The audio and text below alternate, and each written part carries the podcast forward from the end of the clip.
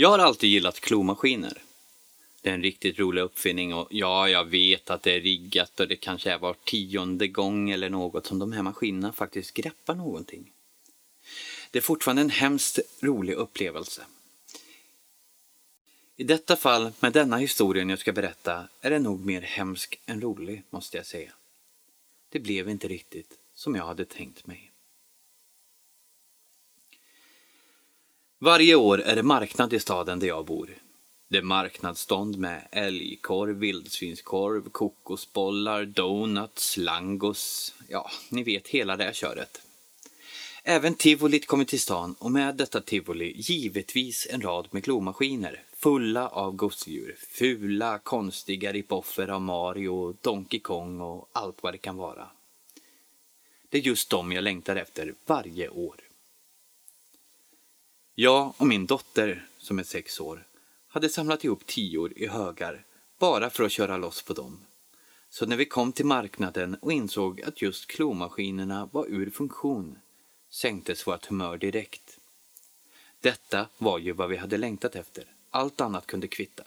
Karuseller och marknadsstånd blev grånande i våra ögon där vi stod på den grusiga parkeringen och insåg att vi inte skulle få använda våra ihopsamlade mynt och skrattande och förbannande åt maskinen skälla för den tog våra mynt utan den där kramgoa vinsten. Så vi la ner mynten i väskan igen och bestämde oss för att åtminstone ta ett varv på marknaden som faktiskt var ett av Sveriges största och se vad vi kunde hitta. Det blev någon langos att äta, några kokosbollar och viltkorv att ta med hem och lite småprylar och godisremmar. Vi fick helt enkelt vara nöjda över en dag där vi faktiskt fick umgås tillsammans utan jobb och stress och skola. Men där, i en sväng, precis i mitten av marknaden, så gick vi fel och hamnade på en annan gata med en återvändsgränd. Det var där den stod. Som om den blivit felplacerad, ensam och bortglömd. Klomaskinen. Det var en klomaskin full i repor och rost med några lampor trasiga men den verkade åtminstone funka. Hon grep tag i min ärm och ropade ”Pappa, titta!” Och vi gick tveksamt men förhoppningsfulla fram till den gamla maskinen. Någon konstig melodi strömmade ur den och i själva maskinen låg där endast ett gosedjur. Jag borde ha tänkt mig för som vet så mycket om historier och creepypastas men jag var samtidigt så överväldigad att det faktiskt fanns en klomaskin som, ja, typ fungerade. Vi gick fram till maskinen och min dotter la i ett mynt. Hon drog klon precis över dockan men i sista sekund stötte hon åt spaken och klon flyttade sig precis bredvid. Vi tänkte att nu var det kört och bara att köra en gång till. Men det var inte nödvändigt. Klon korrigerade sig själv till mitten och med en nästan läskigt snabb fart grep den tag i gosedjuret, slängde sig mot glasfönstret vid vindsluckan och släppte ner den. Det gick så snabbt och var med en sådan styrka att vi hoppade ett steg bakåt i ren skräck. Sen slocknade maskinen. Vi stod och tittade på varandra, min dotter med gråten i halsen, jag med en skräckslagen förvånande min. Men till slut gick vi försiktigt fram och öppnade luckan och där låg den. Gosedjuret. Det var en kanin, fast ansiktet såg ut som ett skelett och den bar en slips. Den var liksom sådär fulsöt. Ingen äldre skulle tycka att den var fin, men jag som gillar dödskallar och skräck älskar den från första stund. Den som älskade den mer var min dotter och glad över vinsten tog vi kaninen och gick vidare. Dottern var oskiljaktig med kaninen. Den var med när hon sov, liggandes bredvid henne. Den var med när hon åt, sittandes i en gammal dockstol hon hade. Den enda gången de skildes åt var dagarna hon var i skolan. Då satt den hemma på hennes säng och väntade på att hon skulle komma hem. Varje eftermiddag efter skolan skyndade hon hem till kaninen och sprang upp på rummet för att slänga sig på den och bära den i sin famn tills det var läggdags. Det här hände kanske en vecka efter våran fina vinst och marknaden hade lämnat staden. Först tänkte jag att dottern var inne i en fas, någon sorts trots. Men snart upptäckte jag att det måste vara någonting annat.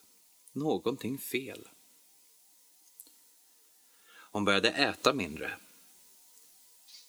Hon somnade inte i tid som hon brukade utan var uppe hela nätterna och jag hörde plötsligt röster inifrån hennes rum. Först tänkte jag att det kanske var tvn som var på tills jag kom på att den hade varit trasig senaste månaden. Varje gång jag gick in i hennes rum tystnade det och hon bara stirrade på mig. Jag frågade vem hon pratade med, men hon bara stirrade. Sa inte ett ord. Jag sa att hon fick gå och duscha för det var skola dagen därpå, men hon bara fortsatte att titta på mig med den där intensiva blicken. Plötsligt öppnade hon munnen Svarta maskar började krypa ut ur hennes mun och falla ner på golvet. Jag frös till en sekund för att sedan slänga mig fram och lyfta upp henne för att få ut det hon hade i munnen, men de fortsatte bara komma, som om det inte fanns något stopp. Det var inget spya, inget hulkande från hennes sida eller någonting, men de bara fortsatte trilla ur och kravla runt på golvet. Jag visste varken in eller ut och ringde direkt efter ambulans. Men när ambulansen väl kom på plats slutade det tvärt och alla maskarna på golvet hade pulveriserats till något damm.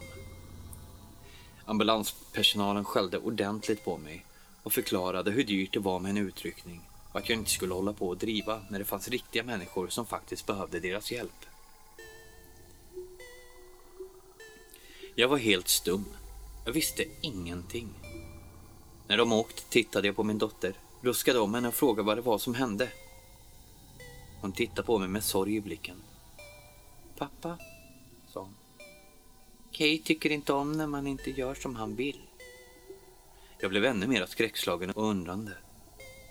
Kay var ju vad hon hade döpt kaninen till ifrån klomaskinen. Men vad hade den med saken att göra?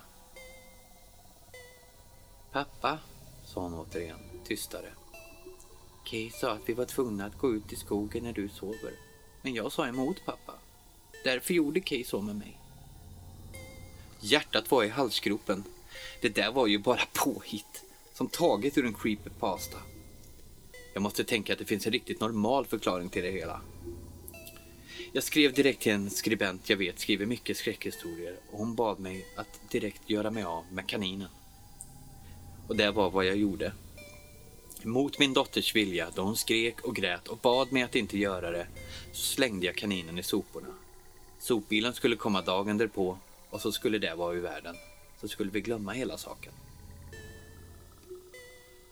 På natten vaknade jag av att jag hade ont och kände mig öm och hade märken över hela kroppen. Det var som små avlånga bitmärken överallt på mina ben. De blödde inte men de sved och ömmade och såg ut som två kanintänder som försökte tugga sig igenom huden. Jag tände direkt och gick igenom hela rummet för att se om det fanns någon gnagare där inne. Men det fanns inga spår av något djur, mer än några flugor som gned sina händer i fönstret. Jag gick ut och kollade i soptunnan och där till min förskräckelse var Kay borta. Jag sprang upp på min dotters rum och slet upp dörren. Fönstret var öppet och jag anade det värsta men vid närmare anblick fann jag henne inkrupen, sovande i ett hörn i sängen. I famnen hade hon Kay. Nu fick det vara nog. Jag lirkade ur gosedjuret ur hennes famn och gick till vedkaminen vi hade i köket. Jag hällde tändväska över hela Kay innan jag med en tändsticka fick honom att flamma upp i ugnen. Doften som kom från honom var unken, nästan rutten. Men jag såg hur han brann upp, hur hans innehåll av mörkt ludd blev till aska. Inte förrän glöden börjat ge med sig och allt var borta la jag mig till sängs. Dagen därpå gick dottern till skolan med en ledsen min men förstående att kaninen inte skulle komma tillbaka. Jag satte mig att jobba hemma och när det var dags att hämta dottern drog jag på mig jackan och gick ut. Där, på klädsträcket hängde han. Kej? Nej, det kan inte vara samma gosedjur. Det gosedjuret såg jag brinna upp i natt. Men min granne, en man runt 70, klev ut från sin dörr, hälsade på mig och sa till mig att barnen inte ska kasta leksaker omkring sig. Han hade hittat kaninen sittandes i regnet utanför min trappa tidigt på morgonen när han gick ut för att ta en cigarett. Jag slet ner i gosedjuret och sa att det ska inte hända igen. Skynda mig till sopbilen som precis höll på att tömma en annan grannes tunna och slängde med kaninen. Jag stod där och såg hur han knycklades ihop bland fulla ICA-påsar och bananskal. Just då sket jag i att grannen inte källsorterade. Grannen tittade förvånat på mig, sen bara skakade han på axlarna, tände sin pipa och gick och satte sig på en utestol. Jag gick för att hämta min dotter.